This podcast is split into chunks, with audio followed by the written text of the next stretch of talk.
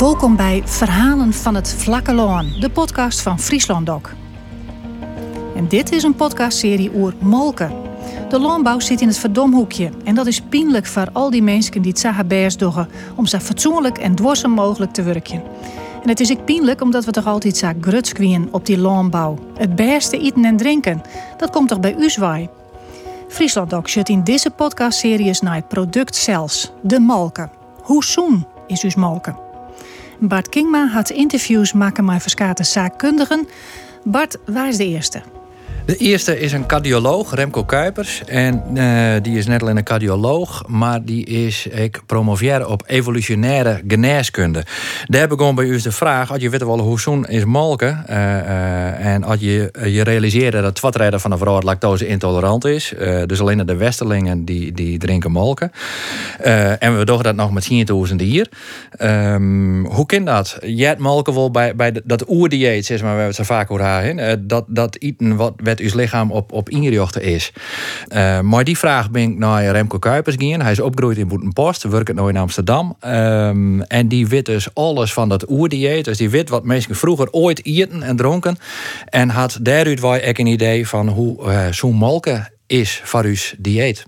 En hij had dus ik een boekskreun hoe dat oerdieet? Hij had een boekskreun, dat heet het oerdieet. Uh, hij had ik voedingsadviezen en hij had, uh, maar dat is staan ik in het interview, hij had echt uh, bij jagers verzamelaars in Eerst-Afrika had het taholden. hij had er helemaal heel wetenschappelijk studies op verjochten om te zien wat, waar is uw lichaam nou eigenlijk op ingericht op wat voor eten en drinken. En dan is uw vraag, ja, het molken daarbij. Je hebt onderzoek gedaan naar het oerdieet. Waarom was dat? Wat, wat was de achtergrond van, van die zoektocht?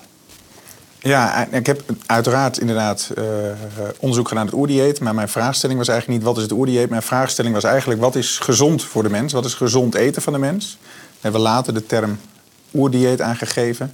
Maar het idee was eigenlijk hoe kun je nou goed onderzoeken wat voor de mens gezond is? En toen zijn we eigenlijk helemaal teruggegaan met ja, wat is gezondheid? Waar komt gezondheid vandaan? En dan kom je eigenlijk op waar komt het leven vandaan? En dan kom je op evolutie. En zo zijn we eigenlijk in de, nou ja, wat wij dan evolutionaire geneeskunde noemen, gaan kijken. Van ja, wat zijn verklaringen die je kunt geven voor, voor wat je om je heen ziet. En dan dachten wij van als je nou teruggaat naar waar de mens vandaan komt en daar gaat kijken waar wij geëvalueerd zijn, ja, dan vind je daar waar wij geëvalueerd zijn wellicht de voeding waarop wij dan tot mensen zijn geworden. Van aap tot mens zou je kunnen zeggen. Waar ga je dan naartoe? Ja, dat, dat, dat was Oost-Afrika. Ja. Dus als, Omdat daar de mensheid zijn oorsprong vindt? Dat is wel wat op dat moment in ieder geval. Hè, dat is ongeveer tien jaar geleden inmiddels dat mijn eerste reisje daar naartoe ging. Toen, uh, toen was het idee wel echt, de mens komt uit, uit Zuidoost-Afrika. Inmiddels is het wel interessant, zijn er wat fossielen in Zuidoost-Azië en Australië gevonden... waarbij ze zeggen, misschien heeft er ook nog wel ergens wat vermenging plaatsgevonden van meerdere mensensoorten. Maar het idee is eigenlijk nog steeds wel... Hè, 99% van de genen die we met ons meedragen hier in de hele wereld... is van een groep mensen die ongeveer 100.000 jaar geleden vertrokken is uit Zuidoost, uh, sorry, CQ Oost-Afrika. Dus dat was mijn uh, bakermat. Leg mij eens uit, waarom is het voor uh, onderzoek naar mijn huidige gezondheid van belang om te weten wat mensen 100.000 jaar geleden of 10.000 jaar geleden aten? Ja, goede vraag. Dat is denk ik de kern. Dat moet je begrijpen om in te zien waarom ik dat onderzoek deed. Nou, dat heeft dus met evolutie te maken, want we evolueren niet zo snel als je zou hopen. We gaan straks wel een uitzondering noemen, denk ik. Maar um, ja, in het principe is het zo dat evolutie natuurlijk langzaam is. Dat gaat over vele generaties. En dat betekent dat je, nou, ik reken altijd, en dat heb ik niet zelf bedacht, maar uit ook de wetenschap, 100.000 jaar voor het ontstaan van een nieuw evenwicht, of eigenlijk een stabiel evenwicht tussen een organisme, een levend wezen en dienstomgeving. Nou ja, dan kun je nagaan dat als we. Dus dat betekent dat mijn lichaam op dit moment eigenlijk nog steeds zo is ingericht zoals het zich in de omgeving, in zijn omgeving, 100.000 jaar geleden kon handhaven. Dat is een, de algemene gedachte. En dan weten we inmiddels wel dat sommige evolutionaire processen heel snel kunnen verlopen. Maar dan is 100.000 jaar het gemiddelde. En dan moet je rekenen op dat 10.000 jaar geleden, of 10.000 jaar jaar een evolutionaire verandering heel snel is. Dus het zou kunnen dat je aan een, bepaald aan bepaalde verandering, bijvoorbeeld voeding, van 10.000 jaar geleden wel aanpassingen ziet. Maar of dat een stabiele, gezonde situatie is dan. Of er een evenwicht is, dat is maar de vraag. Dan ga je naar Oost-Afrika omdat je weet, daar is het begonnen voor de mensheid. Ja. Maar zijn daar nog volken te vinden die hetzelfde eten als wat ze daar honderdduizend jaar geleden aten? Nou, dat was een grote uitdaging. Hè? Dus zijn ze nog te vinden? Ja, het heeft wel moeite gekost. En om eerlijk te zijn, um, daar zitten wat haken en ogen aan. We begonnen in Zuid-Afrika en iedereen kent het verhaal van de Bushmen, hè, de Hottentotten. Nou, die heb ik wel gevonden, maar die moest ik toch echt even wachten tot ze zich hadden omgekleed voor ik uh, met ze mocht praten. Dus dat gaf wel aan, dat zijn geen traditionele mensen meer. Dat is ja, eigenlijk heel treurig. Hè? Die zijn in een reservaat gezet en zijn ze van goede alcoholist. En daar willen ze nog wel voor wat geld een pakje aantrekken. Maar toen we in Tanzania waren, hebben we wel een, ja, in ieder geval één, eigenlijk twee groepen jagerverzamelaars gevonden. Die wat mij betreft nog redelijk voldeden. Uh, de eerste groep zijn de Hadzabi. Die zitten echt in het midden in zo'n heel droog, ja, kurkdroog, arm gebied. Nou, enerzijds mooi, hè, jager-verzamelaars. Anderzijds meteen de valkuil. Hè. Waarom is deze jager-verzamelaargroep daar over? Omdat het het enige stukje van Tanzania was waar geen landbouw en geen veeteelt bedreven kon worden. Dus daar hadden de omliggende volkeren geen interesse in.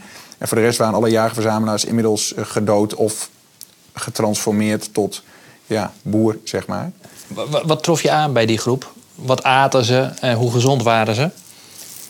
Um, wat ik aantrof was een groepje wat ik uh, moeilijk moest uh, kon vinden. En uiteindelijk gewoon zaten ze één bosje verder. Dat was dus letterlijk achter een bepaalde bossage. Daar zaten ze met z'n allen toen ik er met mijn auto aan het rondrijden was en ze probeerden te zoeken. Dus het gaf wel aan hoe zij echt opgingen in de natuur. Dat vond ik heel fascinerend. En wat aten zij? Ze aten alles wat ze vinden. Alles wat ze vinden. Dus het zijn opportunisten die... Ik had dan mijn uh, gedachten van, van de oerdrift jagen.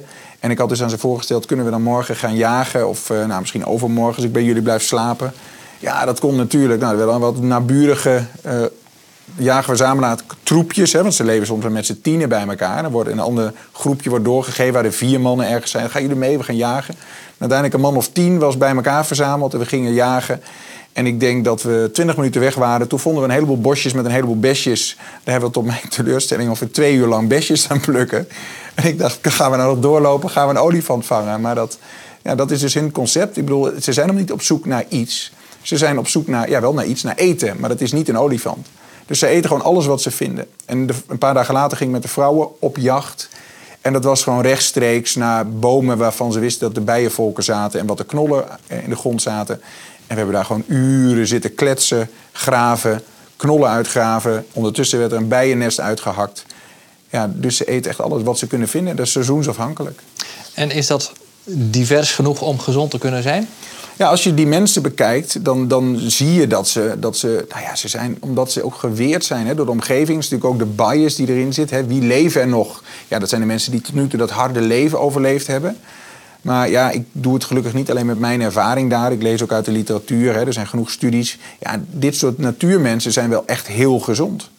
Die hebben door de variëteit van wat ze eten een, een goede weerstand. Door de, dat ze worden blootgesteld aan allerlei nou ja, uh, patho, organismen, dus ziekteverwekkers, hebben ze een goede weerstand. En je zag de hele gezonde, uit, ontzettend sterke mensen. Ja. Zij eten natuurlijk geen bewerkt voedsel, uh, vol met chemicaliën en suiker en dat soort zaken. Ja, behalve honing dan. Hè. Maar voor de rest is dat eigenlijk de enige bron van suiker. Maar voor de rest alles uit de natuur. Onbewerkt vlees, vis, gevogelte, eieren, rauwe eieren overigens. Um, Melk? Nee, ik heb ze nog nooit een buffel zien vangen en melken. Nee, nee. Dat, uh... Hoe kan dat? Ja, omdat, om, precies, omdat het eigenlijk een heel onnatuurlijk product is. Je, je, vangt natuurlijk geen, geen buffel met volle uiers. En die, als, je, als je die vangt, ga je die niet melken. Uh, daarnaast heeft een buffel, als er al wat melk in die uiers zit, nauwelijks melk. Want dat is een, een door de mens doorgefokt. Hè? Een natuurlijke evolutie heb je. En, en je hebt natuurlijk veredeling ja, de koe is een veredeld beest wat heel veel melk produceert, wat eigenlijk veel meer is dan het kalfje nodig heeft.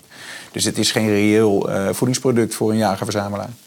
Wist je daarmee, toen je dat wist, ook dat melk dus geen onderdeel van het oerdieet is? Geen onderdeel is van dat dieet waar ons lichaam eigenlijk op gebouwd is? Nou, mijn onderzoek bij jaarverzamelaars heeft me wel geleerd dat inderdaad melk een heel onnatuurlijk product is voor iemand die ouder dan vijf is. En dat vond ik dan aan de andere kant ook alweer opzienbarend. Hè. Kinderen hangen daar tot een vierde, vijfde echt wel aan de borst, ook bij oma. Want als je daar maar goed aan lurkt, dan komt er ook nog wel melk uit. Dat vond ik wel grappig. Maar daarna is het wel echt over op een andere soort van eten. En er wordt ook geen melk meer geconsumeerd. En ja, je ziet ook een aantal van die stammen dat ze dat ook niet zouden verdragen. Dus kom je met je goede wil met een pak melk aan, dan help je ze eigenlijk van de wal in de sloot. Want dan krijgen ze acuut diarree van. En dan vermoord je ze eigenlijk doordat ze uitdrogen. Want waar zit dat in? Die lactose-intolerantie, hoe, hoe, hoe ontstaat ja, dat, die? Dus die lactose-intolerantie, eigenlijk moet je het omdraaien. Hè. We zijn niet, het is eigenlijk een heel gek woord, lactose-intolerantie. Want het klinkt alsof het een intolerantie is, terwijl het eigenlijk de norm is we zijn lactase-persistent. Dat wil zeggen, lactase het enzym dat lactose afbreekt. Dat hebben we zolang we zuigeling zijn. Dus dat kan bij ons zijn een aantal maanden. Hè. Vrouwen die stoppen met borstvoeden, daar verliest het kind ook meteen, eh, nou ja, tenzij die wat melk blijft drinken, die eigenschap. En in Afrika zie je dus dat die kinderen na hun vijfde leeftijd dat niet meer kunnen afbreken, die lactose. En dat dat niet meer terugkomt, dat lactase. Dus dan, dan verliezen ze die mogelijkheid om melk eigenlijk veilig te consumeren. Want wat houdt het aan de andere kant in? Als je lactose drinkt, of eigenlijk dus melk drinkt met lactose daarin... en je kunt het niet afbreken, dan heeft het een osmotische werking. Dan prikkelt het in de darm, trekt het vocht aan en dan krijg je diarree. Dus je helpt iemand letterlijk eigenlijk... Ja, die, die, die raakt meer vocht kwijt dan dat hij opneemt. En kun jij zeggen op basis van jouw onderzoek... Ehm, weet ik dat uh, die lactose-intolerantie eigenlijk de norm is. Eigenlijk zou mijn lichaam dat min of meer nog steeds zijn. Is melk voor mij eigenlijk nog steeds niet. Ja, lactose-intolerantie intolerantie is de norm. Ja. ja. Dus het, het enzym lactase hoort na de zuigelingenleeftijd te verdwijnen. Dat is wat je in alle natuurvolken ziet en ook eigenlijk in het grootste deel van de, van de wereldbevolking. De, de gemiddelde Aziat en de gemiddelde Afrikaan kan geen zuivelproducten consumeren zonder daarvan, nou, tenzij ze gefermenteerd zijn. Maar bij niet gefermenteerde zuivel kan hij niet, niet goed verteren. Dat zal hem eigenlijk problemen opleveren. En wij zijn als westerse bevolking daar echt een uitzondering in. Tweederde van de wereldbevolking is lactose intolerant. Ja. Waarom is er dan ooit een groep mensen toch melk begonnen te drinken na die zoogtijd, die kindertijd? Ja, nou, interessante vraag. Heb ik me ook uh, vraag, uh, vaak gesteld. Uh, en ik denk mm, op dezelfde manier te beantwoorden als waarom hebben we nu veel oorlogen en een klimaatcrisis. ook toen waren er veel te veel mensen voor het, wat het aardoppervlak kon dragen. En als je veel te veel mensen hebt, dan ga je of ruzieën om eten of je gaat wegtrekken op zoek naar eten. Nou, als de meest vruchtbare plekken, wat logisch is, al lang bewoond zijn, dan gaan dus groepen die ja, er niet uitkomen, die niks te eten kunnen vinden, die gaan op zoek naar plekken waar ze eigenlijk denken: ik vind hier niks te eten. Ja, dat ga je natuurlijk niet doen met, zonder rugzak met eten bij je. En de rugzak was in dit geval voor veel mensen dan het vee. En dat kon je of opeten. Nou, de kans dat je dat op een gegeven moment alsnog door je voedingsbron heen was, die is reëel. En ik denk dat de stammen die dat overleefd hebben, dus de stammen waren die zoals we ook nu zien, hè, dus dat denk ik niet alleen, dat baseer ik ook al wat op het een en ander literatuur. Uh, dat je ziet dat dat de stammen zijn die hun uh, beesten niet opaten, maar de melk gingen drinken. En dat deden ze min of meer noodgedwongen? Ik denk dat dat noodgedwongen is geweest. Sterker nog, hè, dus als je er genetisch naar kijkt, vanuit mijn evolutionair perspectief, wat ik dus gebruik als evolutionair denkende dokter, dan kan het bijna niet anders dan dat daar mensen noodgedwongen zijn gaan drinken. Want we zien dat evolutie juist bij het drinken van melk heel snel is gegaan. Je ziet dat in het verloop van, een, van, van eigenlijk binnen 10.000 jaar van 10 naar ongeveer 70, 80 procent van, de, van die lokale bevolking eens lactase persistent was. Nou, je zou bijna denken dat mensen zich als bacteriën zijn gaan gedragen. Hè? Dat ze dus, zoals bacteriën resistentie kunnen overdragen. Hè? Van dit zijn mijn genen, die deel ik met jou. Nou, we weten allemaal, dat kan de mens niet. Dat was namelijk mooi geweest, dan hadden we ziekte ook wat simpeler kunnen oplossen. Nou, dan is het alternatief uh, CRISPR. Nou, ook dat hadden ze in die tijd niet. Dus het knippen met hoge wetenschappelijke niveaus. Nee, dus dat, dat geeft aan dat wij dat zo snel verspreid... dat er mensen bij bosjes zijn omgevallen, dood zijn gegaan... die dat niet konden verteren, die melk. dus als je daar het artikel op naslaat, zeggen ze ook... ja, de mensen die melk konden verteren hadden, hadden waarschijnlijk veel meer kinderen. Nou, dat denk ik niet. Dat zou heel gek zijn. Ik denk dat het zo was dat ze allebei veel kinderen hadden. Maar bij de mensen die melk konden verteren langdurig, dat er geen 9 van de 10 kinderen doodgingen. Dus het is echt een hele vreselijke tijd geweest. waarin die lactasepersistentie onder onze westelijke bevolking is ontstaan. Dat is een tijd met heel veel huilende gezinnen geweest, denk ik. Dus ja, we zijn inderdaad lactasepersistent, maar dat zijn we over lijken. Even voor mijn tijdsbeeld, welke periode hebben we nu ongeveer over dat, dat deze beweging begon? Dat hangt een beetje vanaf waar je natuurlijk in de wereld kijkt. Maar we weten dat de landbouw en de veeteelt zijn begonnen in eh, de regio, uh, ja, de vruchtbare uh, halve maan. Dus dat is de regio Israël-Palestina.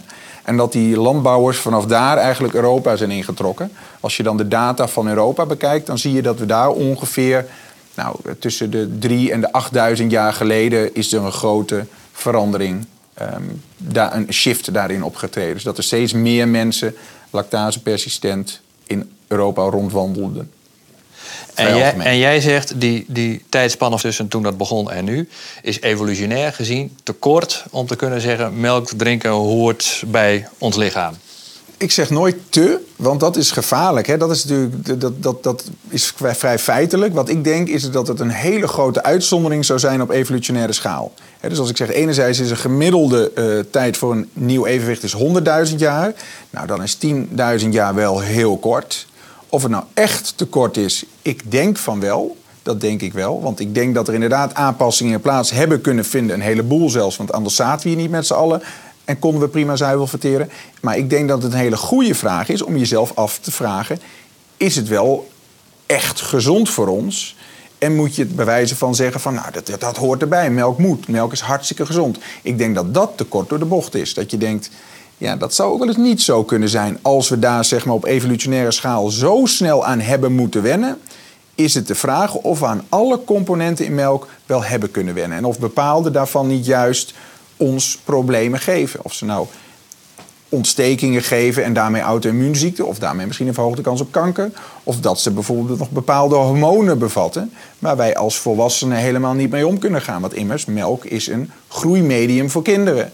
Nou, groeien klinkt voor een dokter vaak als kanker. Want kanker is ongebreidelde groei en een kind moet heel hard groeien. Ja, het klinkt een beetje paradoxaal, maar het is wel zo. Hè? Er zijn groeihormonen die in bepaalde melk thuis horen, wel gezond voor een volwassene.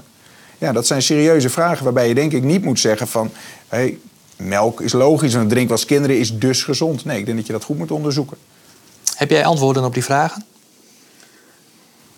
Ja, wat is een antwoord? Hè? Als ik nu zeg ja, ik heb antwoorden, dan moet je me er niet op vastpinnen dat dat definitieve antwoorden zijn. Maar er zijn in de, in de wetenschap aanwijzingen, en er zijn heel veel grote onderzoeken natuurlijk gedaan, dat in ieder geval melk nou niet per se gezond is. Dat wil zeggen, uh, het is niet per se iets wat je nodig hebt. Anderzijds, er zijn ook geen onderzoeken die laten zien dat het nou heel erg ongezond is.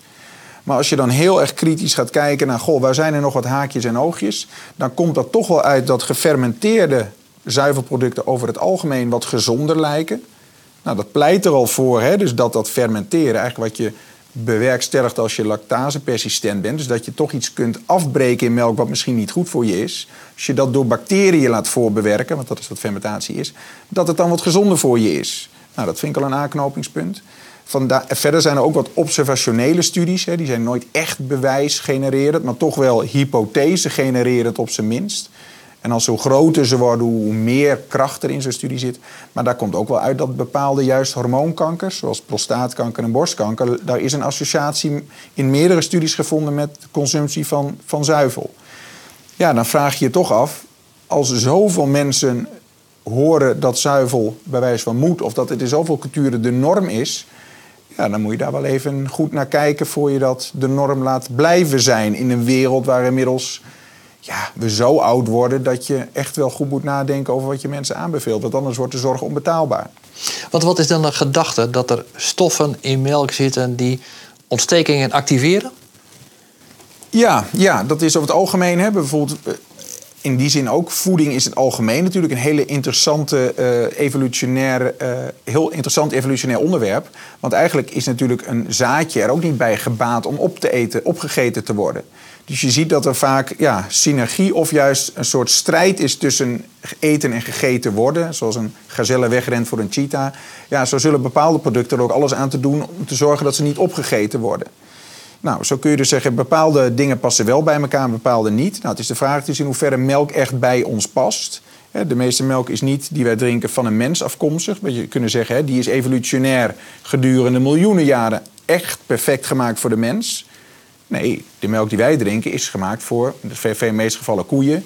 Je hebt ook geitenmelk enzovoort. Ja, de vraag is of daar geen stofjes in zitten waar we evolutionair niet aan gewend zijn geraakt, waarvan ons immuunsysteem denkt: oh, dit zou wel eens geen voeding kunnen zijn. Dit zou wel eens een kwaadaardig beest kunnen zijn. Afbreken, het immuunsysteem aanzwengelen. Nou, we weten dat als je chronisch je immuunsysteem aanzet, om wat voor reden ook. Hè. We weten dat mensen met auto-immuunziekten, bijvoorbeeld reuma, bekende, hè, die hebben een sterk verhoogde kans op hart- en vaatziekten. Dat heeft niks met die reuma aan zich te maken, maar met het proces dat reuma in het lichaam geeft, dat er lage graad ontstekingen zijn. Nou, je kunt je voorstellen dat het lage graad ontstekingsproces ook ontstaat door chronisch consumeren van melk of andere zuivelproducten waar eiwitjes in zitten die ook op eenzelfde soort manier ons immuunsysteem aanzwengelen. Nou, dat soort gedachten, dat melk pro-inflammatoire zou zijn, verklaart ook waarom bijvoorbeeld meer mensen dus bepaalde um, auto-immuunziekten hebben. Of nou ja, celiakie, een welbekende. Hè, waarom mensen intoleranties voor zuivel hebben op bepaalde eiwitten die erin zitten. Want eiwit is eigenlijk waar je immuunsysteem door getriggerd wordt. Maar je werpt hem op als vraag of als, als hypothese. Waarom weten we dit nog niet? Ja, als je het, uh, dit soort vragen stelt, gaat het meestal over geld of over belangen. En ik denk dat dat een groot issue is. Hè? Als we nou één zuiver land mogen aanwijzen in deze wereld, misschien zijn wij het wel. En dat betekent dat het een, een, een, een poot onder de Nederlandse economie uitzagen lijkt. Op het moment dat je gaat twijfelen over de gezondheid van zuivel. En zeker als wetenschapper in Nederland moet je dan heel goed weten wat je doet. Want ja, er zijn heel veel belangen bij. En in die zin is alleen maar het antwoord, we weten het nog niet, voldoende. Want als je er onderzoek naar doet, zou er iets negatiefs uit kunnen komen. Dus misschien moeten we daar wel mee oppassen als de economie op zuivel uh, gebouwd is. Nou ja, persoonlijk zou ik dan zeggen, we kunnen toch ook op iets anders uh, overstappen. Kijk naar de huidige crisis waarbij we zeggen we mogen niet meer bouwen. Afgelopen week nog op het journaal een ramp. Veel boeren kunnen geen opvolgers vinden. Ik dacht, een ramp, wat een raar verhaal. Op een moment hoor je dat de boeren moeten stoppen omdat we anders geen huizen kunnen bouwen. Vervolgens is het probleem dat ze geen opvolgers kunnen vinden. Ik denk, ja, je kunt ook mensen aanmoedigen om iets anders te gaan verbouwen. Eten koeien op, dan zijn ze op en dan zet je er uh, veel meer groenten en, en, en biologische producten neer... waarvan wel bewezen is dat ze heel erg gezond voor ons zijn. Dat lijkt mij een prima oplossing eigenlijk. Vat ik het goed samen als jij zegt... Uh, evolutionair gezien is het eigenlijk als ik alle eindjes aan elkaar knoop, vrij logisch om uh, de hypothese op tafel te leggen dat er nogal wat verkeerde stoffen in melk zitten. Maar we weten het niet en we zouden dat moeten onderzoeken. En gek genoeg hebben we dat nog niet gedaan. Het woord verkeerde zou ik er niet aan verbinden. Maar het is inderdaad, er zitten stoffen in melk waaraan wij niet evolutionair gezien 6 miljoen jaar of 100.000 jaar zeg maar, voldoende tijd zijn blootgesteld om er optimaal op te zijn aangepast. En dat vind ik het gevaar. Ik denk eigenlijk alles wat je nieuw introduceert in een omgeving, van veel zitten tot TL-licht, tot inderdaad zuivel. Ja, dat soort dingen moet je wetenschappelijk gaan onderzoeken of dat wel een vooruitgang in onze evolutie is geweest. Of dat het ons wellicht vooruit helpt om economisch vooruit te gaan, maar dat het ons op gezondheidsvlak achteruit brengt. En ik denk dat de beschaving, de westerse beschaving, op dit moment eindelijk op het niveau is dat wij zijn, klaar zijn met economische welvaart. Dat we onszelf ook beseffen, ho ho, het moet niet allemaal over geld gaan. Nu gaat het ook om onszelf. We zijn geen kanonnenvoer dat voor geld werkt. We zijn ook mensen die willen genieten van het leven. Ik wil behalve hard werken, wil ik ook genieten van het leven. En wil ik ook gezond zijn. En het liefst ook na mijn pensioen gezond zijn. En dat betekent dus dat je dus wel mensen tot een 65 gezond en vooral daarna ook gezond moet houden. En dan moet je op details gaan letten, op luchtvervuiling, maar ook op kleine dingen als is melk wel gezond? Is basisvoedsel brood wel gezond? Is het wel verstandig om fastfoodtenten overal uit de tenten uit de grond te laten springen? Ja, dat worden reële vragen de komende jaren, denk ik. Hoop ik. Die fastfoodtenten, daar zijn we het wel over eens. En, en, en nou, te, veel, wel. te veel vleesconsumptie zijn we het wel over eens. En te veel suiker zijn we het wel over eens. Ja, maar het realiseren is twee. Ja. Ja. Maar je kunt het ook andersom bekijken. Ik leg hem gewoon even zo aan je voor. Je kunt er ook andersom naar kijken. Je kunt ook zeggen, als de mens in evolutionair gezien heel korte tijd, 10.000 jaar, in staat is gebleken om zich aan te passen aan melk. Als wij uh, door de consumptie van melk ook nog uh, uh, de grootste mensen ter wereld zijn geworden, nou, dan moet melk wel heel goed zijn. Ehm, het is niet helemaal een logische redenering. Het, het laatste wel. Hè. Je kunt zeggen, we zijn heel groot geworden, dus moet het goed zijn. Maar je kunt net zo goed zeggen, er zitten zoveel goede hormonen in... dat je er heel lang van wordt en ondertussen kanker van krijgt. Dus je wordt tot je vijftigste langer, dan ga je dood aan kanker. Ja, dit, ik noem maar wat, maar dit is om aan te geven... Hè, ik, ik kan jouw hypothese nu ook onderuit halen met tegenargumenten. Dat is wat ik probeer. En aan de andere kant is het dus heel goed van ons, want het gaat economisch goed... Nou ja, je kunt in ieder geval zeggen, we zijn er gelukkig niet heel erg veel slechter van geworden. dat is ook niet wat ik zeg. Maar we hebben dus wel de economie draaiende kunnen houden door eigenlijk een aantal monoculturen te voeren aan de mensheid, waardoor ze harder en makkelijker konden werken. Ja, de vraag is of het individu, wat we wel steeds meer worden, die ook zelf denkt, dat accepté vindt. Vinden wij het goed om zeg maar ja, melk en brood gevoerd te krijgen, zodat we hard kunnen werken. Maar uiteindelijk daar op ons, na ons 65ste nou ja, het tegenstelde van de vruchten van plukken, namelijk de nadelen van ondervinden. Ik denk dat dat ook een goede vraag is. Is dat hetzelfde verhaal als het, het succes van graan? Exact. Dus hetzelfde verhaal als het succes, het succes van graan. Want je kunt het zeggen, het is het succes van graan. Het is niet het succes van de mens. Het is de graankorrel gelukt om zich wereldwijd te laten gebruiken. Het is het meest evolutionair succesvolle soort. Ik denk dat er meer granen groeien dan dat er mensen zijn. En dat is heel bijzonder. En het succes van graan was dat het zich vrij simpel liet uh, uh, verbouwen. Uh, en eigenlijk een, een, een simpel product was wat de mens in korte tijd even voldoende voedingswaarde gaf. En dat, dat geldt ook voor melk? Dat geldt ook voor melk. Dus inderdaad, de voor, evolutie is altijd afwegen van voor- en nadelen. Blijkbaar zaten er meer voordelen aan graan dan de nadelen die er ook aan kleefden. He, naar graan heb ik ook gekeken. Als je kijkt in de evolutie, wat gebeurde na de introductie van echt de landbouw? Ja, dan zie je dat mensen korter werden aanvankelijk. Dat ze meer bijvoorbeeld doodgingen bij de bevalling. Doordat vrouwen eigenlijk, nou ja, dat, dat heeft ook met granen te maken. Er zitten bepaalde stoffen in die binden aan je mineralen. Waardoor ze bepaalde deficiënties opliepen van uh, stofjes, calcium in dit geval, die belangrijk waren voor het ontwikkelen van een voldoende groot bekken.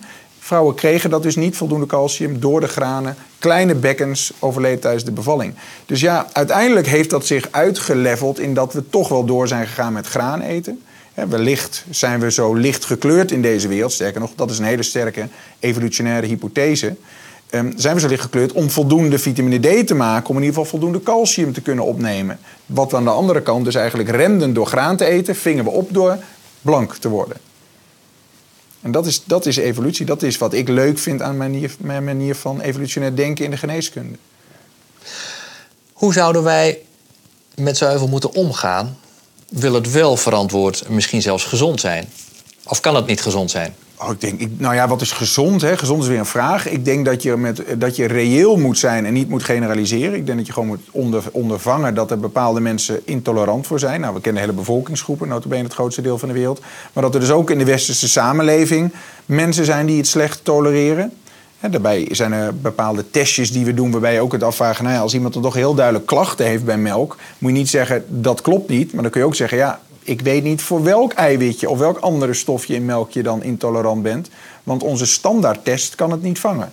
Dus, hè, dus dokters zijn vaak wat rigide in. Hè, dus ik doe drie testjes, daar komt niks uit. Dan is dus jouw probleem niet gerelateerd aan melk.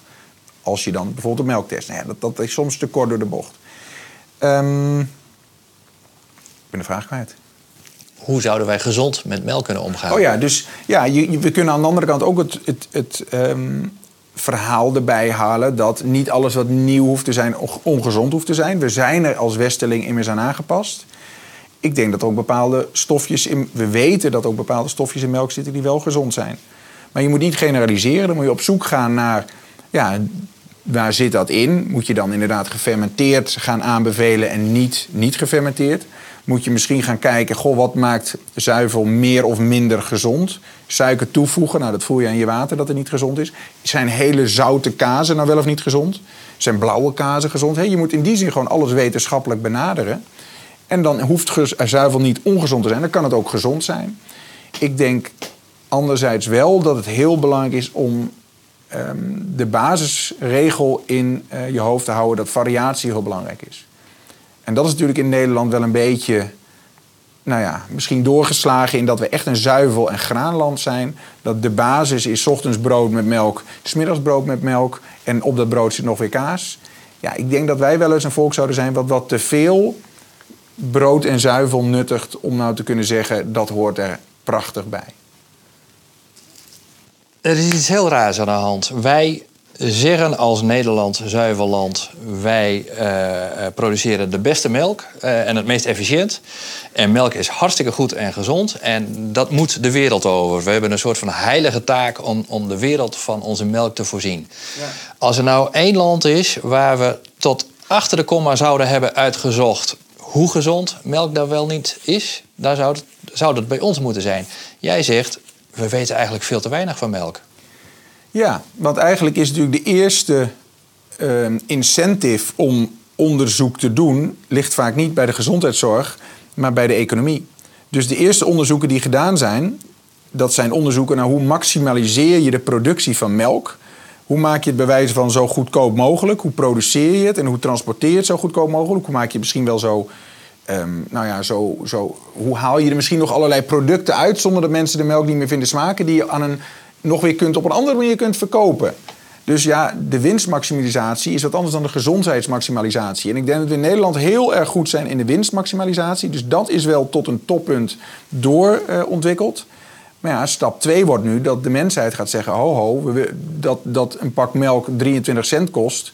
Ja, doe mij dan voor 58 cent een gezonde melk van een koe die in het weiland heeft gestaan, die lekker gras heeft gegeten in plaats van een, een kilo graankorrels. Maar verwacht jij dat die gezondere melk al die negatieve, mogelijke negatieve effecten uh, teniet zal doen van melk? Ik. Nou, dat zou ik willen onderzoeken. Ik is, verwacht is gezondere melk gezond? Ik denk dat, een, dat in een um, gewinstmaximaliseerde melk, net zoals fastfood minder gezond is dan een, een gevarieerd dieet uit de natuur, denk ik dat een gewinstmaximaliseerde melk minder belangrijke stoffen bevat, waardoor het uiteindelijk minder gezond is dan een rustig geproduceerde melk door een koe die, daarop, die daar niet toe gedwongen is, zeg maar. En natuurlijk vergt dat meer onderzoek, zullen we dat hard moeten maken. Maar we weten in ieder geval wel van de samenstelling, bijvoorbeeld van, van Zwitserse koeien. Er zijn in Nederland ook een aantal koeien die in de weilanden staan. Dat bijvoorbeeld de samenstelling van als voorbeeld omega-3 en omega-6 vetzuurverhoudingen, dat die bij grasgevoede koeien veel gunstiger is. Maar nou wil ik zo graag weten, is gezondere melk gezond of is het minder ongezond? Geen van beide eigenlijk. Hè? Dus de, gelukkig, want anders had ik het, was het denk ik ook wel anders gegaan. Is nog nooit aangetoond dat melk nou per se heel ongezond is. Of heel gezond is voor de algemene bevolking. Het is vrij neutraal. Het is een energiebron waar micronutriënten en vitamine in zitten die we nodig hebben, maar die we net zo goed uit allerlei andere bronnen kunnen halen. En omdat melk gelukkig een makkelijk om aan te komen product in Nederland is, gebruiken we daar melk voor. Maar ik hoor jou ook zeggen, er zitten mogelijk andere stoffen in melk waar we eigenlijk nog te weinig van weten, maar die mogelijk een negatieve invloed op ons hebben. Vandaar, mijn vraag, maar vandaar mijn vraag: is gezondere melk uh, gezond genoeg of blijven die negatieve aspecten dan toch overeind? Die negatieve aspecten zijn potentieel overeind. En dat zal dus wel dat zal maatwerk worden. Dus sommige mensen zullen veel minder gevoelig zijn. Terwijl ik denk dat er wel een groep meer gevoelig is. Ja, en daar heb je toch meer onderzoek naar nodig. Of eigenlijk gewoon bij wijze van misschien wel een kleiner onderzoek... juist naar specifieke gevallen die klachten aangeven... om erachter te komen wat voor stofjes zijn dat nou. Ja. ja. Dus het is moeilijk te generaliseren. Hoe moet dat nou met ons? Nou, ik denk dat we in ieder geval wel zouden moeten zeggen van... we moeten niet zeggen melk moet. Ik denk dat we ook van de grootschaligheid van de melkproductie af zouden moeten... en dat meer een een luxe product moeten maken. Ik zou het mooier vinden als ik hoor, net zoals ik in de winkel door een, nou ja, een, een, een vinoloog wordt mij uitgebreid uitgelegd wat voor een bijzondere wijnen, wat voor grond en wat voor smaak. En er zit een die en die smaak aan. Nou, dat heb ik nog nooit op een pak melk zien staan. Dat zou melk een interessant product maken. Want dat maakt het ook schaarser, daarom mag het duurder zijn. Daardoor kun je er juist zeg maar, variatie in aanbrengen. Van dit is een hele omega-3-rijke melk. Want deze koe heeft bij wijze van op de wadden heeft die, uh, vette soorten gras zitten eten, vetplanten zitten eten. En deze koe heeft in de bergen van Limburg gegeten. Er zitten weer andere stofjes in, want die heeft namelijk notabene van de struiken lopen, bestjes lopen knappelen. Ja, als je zo'n verhaal aan melk ophangt, dan maak je er een luxe product van. En dat maakt variatie, dat maakt dat het ook financieel rendabel is om minder koeien te hebben. Dat haalt de winstmaximalisatie niet uit massaproductie, maar uit kwaliteit. Dus dat zou mijn idee zijn. En dat vind ik ook eerlijk gezegd een mooiere manier om dingen te kopen. Ik bedoel, ik word niet enthousiast van de lage prijs van melk. Ik word enthousiast van de, nou, de exclusiviteit, het bijzondere van een product. Dat is in Nederland. Nou bestaat een groot deel van de zuivelindustrie uit export. Ja. Onder andere naar in toenemende mate Azië, Afrika. Die lactose intolerant zijn over het algemeen. Ehm, is dat ethisch verantwoord dan, wat wij doen? Dat wij blikjes gesuikerde melk eh, en allerlei convenience producten naar China, eh, Singapore, Hongkong, Nigeria sturen? Je legt het me wel een beetje in de mond. maar op die manier denk ik in ieder geval niet. Maar ja, al met al, hè, kijk, het gaat allemaal over geld en over, over, over, over iets verkopen. Ja, het is aan hun wel de vrije keuze om het te kopen en het, en het te consumeren. Ik denk dat je wel, een, Nederlands, een Nederlandse overheid moet er wel bepaalde wetgeving voor hebben... dat er op zo'n gesuikerd melkproduct niet mag staan... is goed voor hart- en bloedvaten. Kijk, dan zou het discutabel zijn.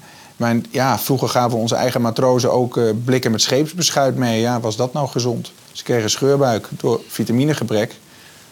Ja, ik vraag dat ook omdat de zuivelindustrie dat gezondheidsaspect steeds gebruikt als frame om uh, de, de, de sterke productie van, uh, van zuivel in Nederland te verantwoorden. Ja, nou, ik denk dat je altijd een discussie hebt natuurlijk, hè, wat is het referentiekader? Hè, dus als we in de westerse wereld, wat ik net ook argumenteerde, eigenlijk zo ver zijn dat we de volgende stap gaan maken van overleven naar kwaliteit van leven, dat het dan niet meer te verkopen is in, in Nederland dat melk moet en dat melk gezond is. Melk is prima, melk is neutraal. Maar je kunt natuurlijk wel denken, ja, in Afrika of in, in, in Zuidoost-Azië hebben misschien mensen nog wel een tekort aan eten. En dan in vergelijking met de witte rijst, waar vrijwel niets in zit, of de, of de gierst of de couscous die ze in, in bijvoorbeeld zo'n zo'n zo'n arm of ontwikkelingsland eten, ja, dan kan melk een fantastische aanvulling zijn waar heel veel in zit. Dus dat is net het referentiekader. Ja, ja. En als het dan gesuikerd is, dan... Ja, dan is dat misschien... Hè, suiker is aan zich niet per se slecht. Jagerverzamelaars eten ook honing. Het gaat er alleen wel om... hoeveel calorieën laat je iemand vervolgens binnenkrijgen. Als, als je bij wijze van de melk in Nederland produceert... de vitamine en de mineralen eruit haalt... die verkoopt aan de supplementenboer... en de leeggehaalde melk wat suiker erbij doet, zodat een arm kindje in Afrika het wel lekker vindt, ja, dat is natuurlijk onethisch. En het is, dat, dat zou niet mogen. Maar ja, als je over winstmaximalisatie denkt, zou je kunnen afvragen: is dat wat gebeurt of doen we dat wel zoals het hoort? Zou je dan niet die hele zuivel en de hele voedingsindustrie uit het economische systeem moeten halen? Dat zou leuk klinken. Ik denk niet dat dat reëel is. Ik denk dat je het wel dat soort dingen echt aan banden moet leggen. Dat je dus inderdaad, zoals ze nu ook proberen, hè, dus een keurmerk op voeding te krijgen, dat je dat ook ja, internationaliseert. Dus dat je ook producten vanuit een EU met wetgeving niet mag verkopen als het eigenlijk bewezen ongezond is. Dat moet geen, daar moet geen winst op gemaakt worden. Dan moet je het goed uitleggen dat je zegt er is een hongersnood. Hè, we hebben nog wat blikjes gesuikerde melk staan. Niemand wil het hebben in West-Europa. Dat, dat geven we daar voor overleving. Maar je moet niet pretenderen dat je daar eigenlijk goed mee doet. Een van de meest fascinerende dingen in dit verhaal vind ik dat we het nog niet beter hebben onderzocht. Nota bene wij in Nederland. Je valt toch van je kruk nou, ik, als Ik denk eigenlijk dat, we, dat er best wel heel veel onderzoek is. Maar ik denk dat dat niet heel duidelijk naar boven wordt gehaald. Er is nog geen rapport geschreven, wel over een toeslagenaffaire. Maar er zijn heel wat affaires. De zuivelaffaire zou best dus een mooi onderwerp kunnen zijn. Van in hoeverre heeft de Nederlandse politiek nou wetenschappelijk onderzoek naar zuivel onder de, onder de internationale pet gehouden. Om maar niet geconfronteerd te worden met het feit dat zuivel heel weinig toevoegt toevoegt. Hè? Dat het neutraal is, prima, ben ik het helemaal mee eens. Maar dat we het nou echt nodig hebben boven de leeftijd van, van zes jaar, ja, dat waag ik te betwijfelen. En daar zou ik graag een heel kritisch rapport over zien, wat door wetenschappers onafhankelijk van nou ja, de betrokken partijen gepubliceerd wordt. En dat je dan ook daarin kunt zeggen van zuivel is prima, maar het moet meer gevarieerd worden. Of zuivel is prima, maar laten we een verbod doen op gesuikerde zuivel, want dat voegt helemaal niks toe. En dat zou de discussie moeten zijn. Wat mij betreft. Dat doe ik graag aan mee aan dat wetenschappelijk onderzoek. Cardioloog Remco Kuipers. Hij wil graag meidwan omdat onderziek. En er valt nog een soort onderziekje om malken. En dat doet ik professor Dr. Ton Baars. Verboen aan de universiteiten van Kassel en van Utrecht. En Baars weet alles van de vetsoren in malken. Likas de omega's 3 en 6 dat Remco Kuipers dik al hier. En Baars is een sterk pleitbezorger van rauwe molken. In de volgende aflevering van deze molkenserie Zien Verhaal. Deze podcast is maken door Bart Kingma en Karen Bies. De muziek is van de Duitse componist Niklas Paasburg. Reacties op de verhalen binnen welkom op het e-mailadres frieslanddoc.omroepfriesland.nl